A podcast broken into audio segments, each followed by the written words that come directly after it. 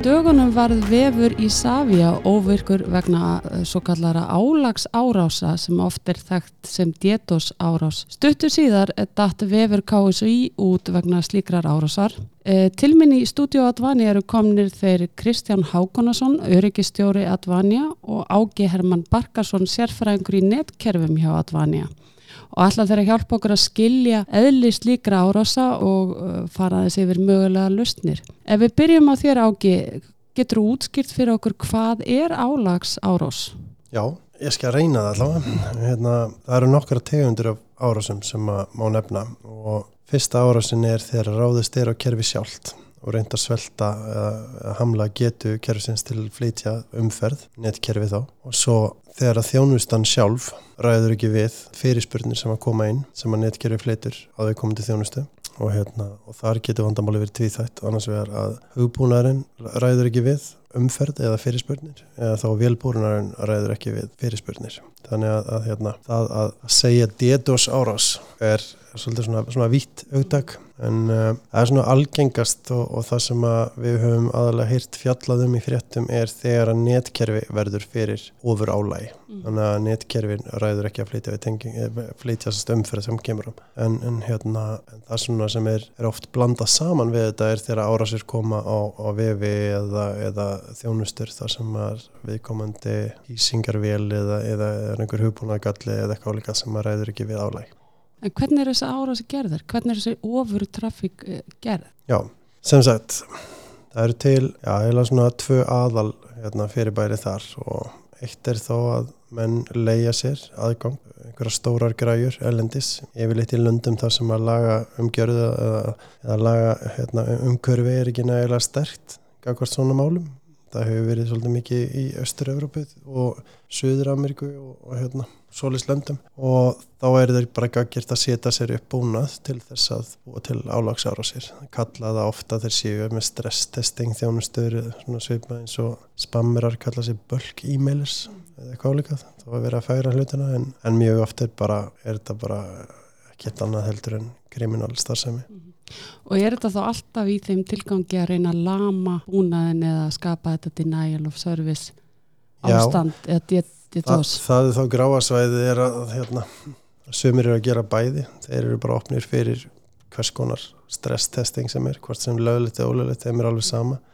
Og þá er þeim með flesti sem að nýta sér þjónustuna, kannski 90% eða jafnvel meira, þó ég hafa ekki alveg þá tölfræði þá hérna, er að nýta sér þetta ekki í neikvæðum tilgangi mm -hmm. og hérna, en svo er hinvingillin það eru aðlar sem hafa verið að dreifa hugbúnað nótundum að óvild hérna vírusa eða, eða eitthvað þannig og búa til svo kallur botnet mm. þá er að fjárstýra tæki það getur verið að fjárstýra ljós, ljósaperu heima hjá okkur eða iPadin ykkar eða, eða eitthvað og, hérna, og svo skipa tækin sem eru að fjárstýra að senda umferð og þetta er nóg mörg tæki þá kemur umferðin frá nóg mörgum hornum í heiminum og það getur verið mjög erfitt að eiga við þetta. Mm. en orðið DDoS fyrsta D-ið stendur fyrir distributed og svo stendur DOS sjálft fyrir denial of service attack. Þannig að mm DDoS stendur fyrir Distributed Denial of Service Attack. Ná, sem sagt, já, eðli árásana er yfirleitt þannig að, að, hérna, að árásarum fyrir kemur frá mörgum stöðum fysiskt í heiminum. Mm. en svo getur þetta líka verið eitt staður sem þykist vera margar staðar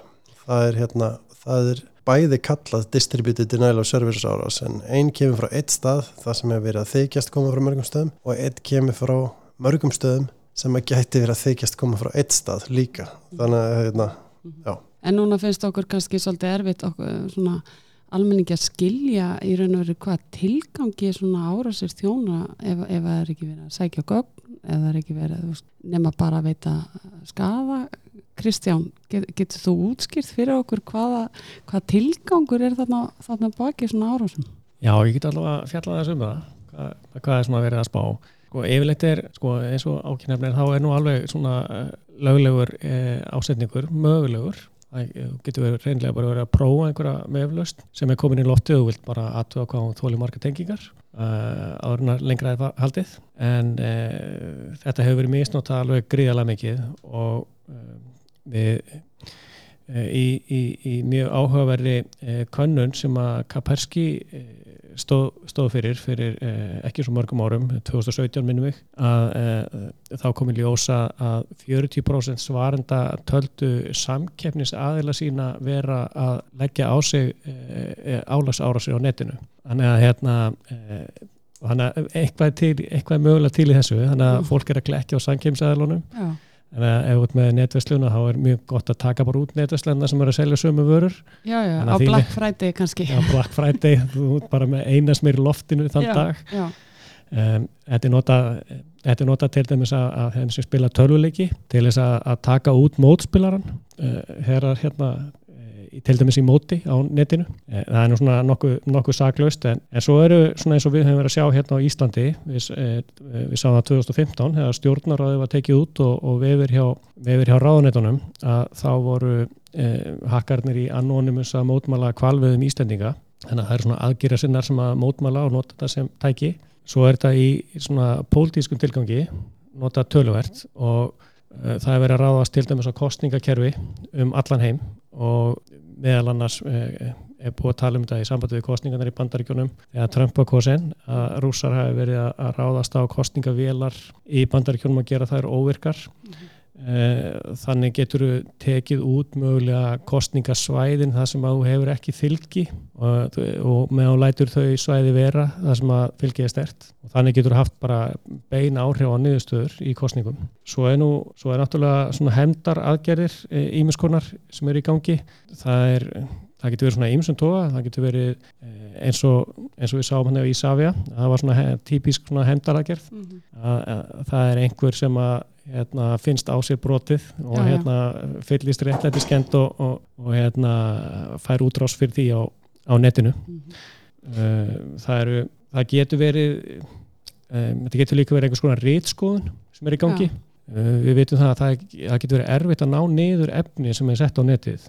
Uh, ef að efni er til dæmis ef að fer, fer í brjósti á fólki er kannski ekki beinleinis ólöglegt en um, er kannski vista á svæði eins og ákjáður nefna sem að, sem að, sem eru veik löggjöf og, og hérna stjórnvöld eru sein að grípa inn í. Það getur, þetta, getur verið, um, þetta getur verið efni sem er einhvers konar hatus, áróður. Um, við höfum nú lendið því að, ISIS eh, samtökin hafa til dæmis hýst, hýst vefsíður á Íslandi og þá er spurning hvað, hvað yfirvöld eða, eða aðeins sem hýsa eru fljótir að bregðast við. Ef þau eru lengi þá geta einhverju dóttið í huga það væri bara betra að taka niður síðuna með álags árás Mhm.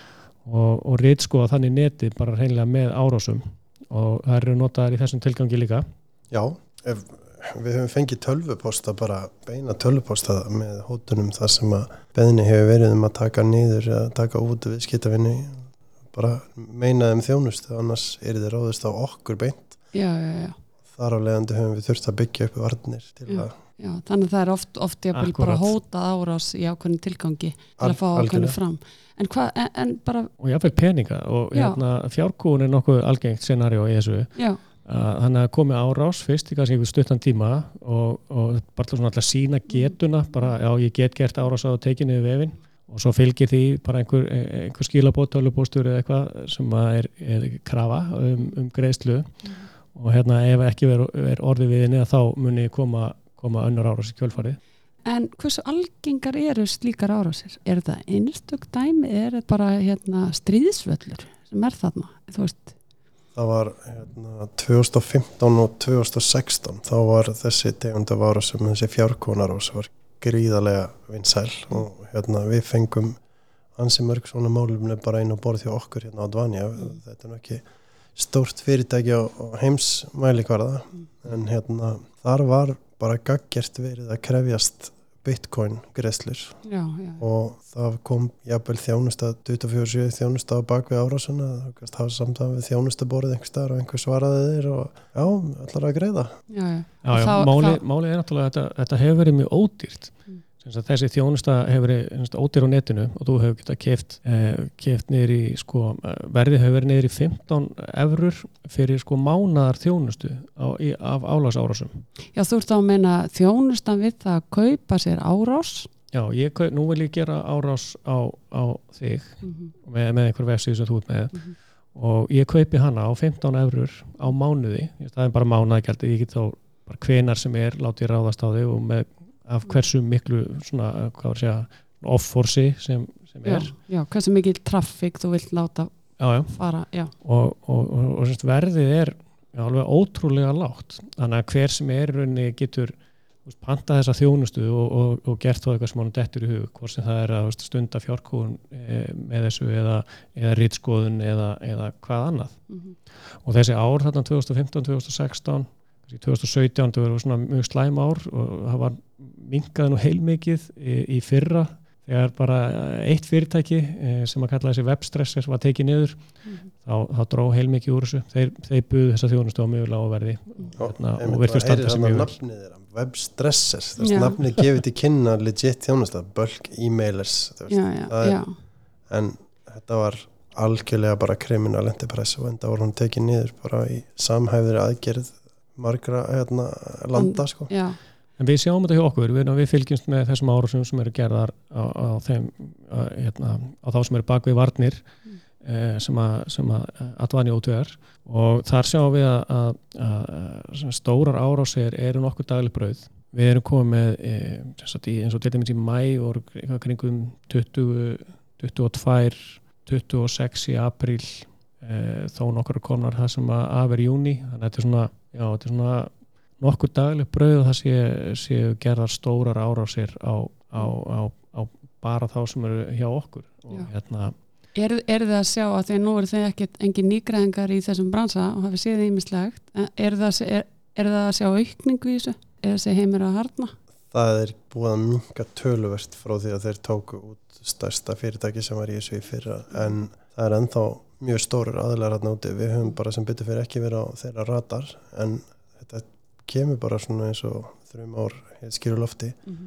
Bara hundra dagar allt í blúsandi og svo einn daginn þá búm, you have DDoS traffic, hvað ætlar að gera? já, koma kannski margar. En ræðum aðeins, hvernig, hvað gerist í fyrirtækjum sem verða fyrir svona árás? Hvernig upplifa fyrirtæki það, það er vefinu þeirra jafnvel og ákveðinu þjónustæði farið niður það er verið að greina árásuna ákveð þú vinnur með viðskiptavinnum á hverjum degi í, í svona málum. Lísta aðeins fyrir okkur hvernig hérna, hvað gerist hjá fyrirtækjum, hvernig fyrirtæki upplifa það? Já, sko, ef þetta er viðskiptunur okkar sem verður fyrir árás þá höfum við samband og látum vita að þessi komin árás og ef að viðkomandi er ekki með vörn ef hann er ekki að greiða fyrir varna þjónustu þá er ekkit annað í bóði fyrir okkur heldur nema að loka umferð. Því að svona varnar þjónusta kostar tölvert og, en venjulegt fyrirtæki sem hefur aldrei spáðið þessu er hjá þjónustadala sem hefur ekki spáðið þessu. Þeir upplifa bara svipað eins og ef að nettenging dettur út eða fer ramagn eða álega bara þjónustan hættir að virka allt í einu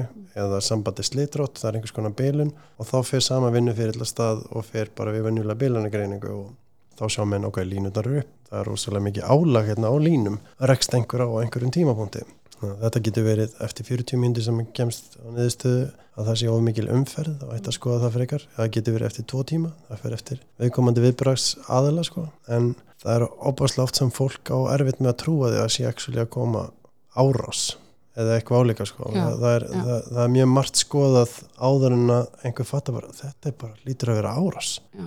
Erum við í alveg að fá árás? Beti, hvað er að gerast?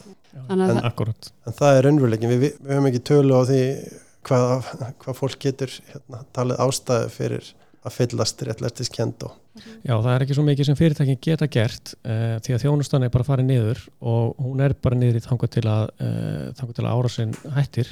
Uh, þannig að í raunni fyrir fyrirtæki þá er þetta bara spurningum að býða af sér árásuna eða leita til einhverja aðila sérfræðinga á sviðinu sem geta hjálpað þeim við að, við að, að, að koma vef, vefsíðinu í eitthvað var á bakvið varnir eða, e- eða fara að filtera út einhverja traffík og svo framvegs ef, man, ef að menn eru höfnir þá er hægt að tala um internetþjónustæðalinn og internetþjónustæðalinn getur sett inn einhvers konar filtering á, á hérna ef árásin er, er þannig. En worst case scenario þá getur tekið marga daga eða jafnvel einhverja vikur að koma sér í almennlegt stand og þannig að árása vörn er eitthvað sem það þarf að hugsa fyrir fyrirfram bara eins og trygging. Já, ég ætlaði að mynda að spyrja út í það sko, ef, ef, maður, ef ég var í fyrirtækjareikandi núna og ég myndi bara vilja reyna að brinja mig eins vel og ég mögulega get og, og, og reyna að sleppa við hérna að upplifa svona hvernig ber maður að? Ge- Já, við mælum sem sagt með svo kallar risk assessment og þetta eru þrjár einfalda spurningar. Spurning nummer eitt er, er ég með einhverja þjónustur opnar út á public internet eins og vefsíða þar sem er verið að selja varning eða eitthvað álegað eða nummer tvö, er ég með einhvern hugbúnað sem að treystir á public internet eins og einhvers konar uh, verðbreyfa hugbúnað sem að þarf að skila af sér ellenda kauphöll eða eitthvað álegað og, hérna, og hversu mikið virði er fyrir fyrirtækið ef að þessi þjónusta eða þessar þjónustur eru úti í 1 klukktíma eða 24 tímar eða 7 dagar. Það er gott að nefna að við höfum, vesta sem við höfum séð er árásaðarlega sem var eftir viðskiptafinn í 11 daga eða er einhver 11 sólaringa. Þannig að, að hérna, ef þú ert úti í 11 daga, hvað virði er það fyrir þig? Ef þú ert ekki með internetsambandi eða þjónustunni eru sambandslösar í 11 daga, hvað gerir þú? Og, og þetta hefur þetta mikil áhrif á, á fyrirtæki sem að treysta alfari á þjónustur á internetinu mm -hmm og eins og er bara orðið viðskiptumótili á mjög mörgum fyrirtækjum í dag Akkurat, akkurat Já. og þetta getur þá veist, þess, þessar þrjár spurningar kemur þá niður að því hef ég þörf fyrir þetta mm -hmm. og hversu mikið virði er það fyrir mig, hversu mikið má það kosta hvað, ég, hvað, hvað á ég að leggja í það að, að verja mig akkord svona árásum? Og hvað, og hvað, og ef ég kemst það fyrir niðurstu, þetta, þetta skiptir mig bara tölverum ári, einhverju eða tölverum ári. Hvaða lausnir eru í, í bóði á því stíð? Það er til heilmarga lausnir og það eru ansi margir að núti í heiminum sem að segjast geta list þessi vandamál bara ekkert mál. Og það eru til þjónustur sem að kallast reverse proxy eða tunneling þjónustur. Og þeir nýta sér sama burðalag og árásinn sjálf eina sem árásalega þarf að gera til þess að gera slíka vörn óvirka er að ráðast á samlíkjandi þjónustu. Þannig að hérna, ef þú ert í þjónustu hjá símanum eða Vodafone og, og þú ert með svona vörn erlendis að þá þurfa að ráðast bara á nákvæmna fyrirtæki eða einhverja nærlegjandi yppitölu og hérna og þá geta það tekið þig út í leiðinni. En við höfum sjálf byggt upp kerfi hérna hjá Advanja þar sem við flytjum gögn frá árasar varnar aðala ellendis og við erum með marga aðala til að tryggja það að, að þeirra hugbúna aðlausnir séu, séu hérna ekki vandamáli sem við verum að lenda í. Kannski einn aðalegi mun betri í að, að skrúpa eða reynsa umferð eina ákveðna tegunda árós þannig að við nöytum okkur þrjá mismundi aðala til þess að reynsa og flytjum þeirra umferð á fysiskt verendað net sem að hefur sem að hérna, public internet eða, eða, eða þetta opna internet hefur ekki aðgangað og getur ekki tekið út. Það er það sem við tellum vera besta leiðin og, og eina öruga leiðin til þess að verja íslensk fyrirtæki fyrir árásum og kosturinn, ef við má aðeins bæta við þetta að kosturinn við þetta er að stöðva traffíkina áður nún kemur inn á e, útlendatengingar Íslands. Mm -hmm. tengingar Íslands við umheiminn.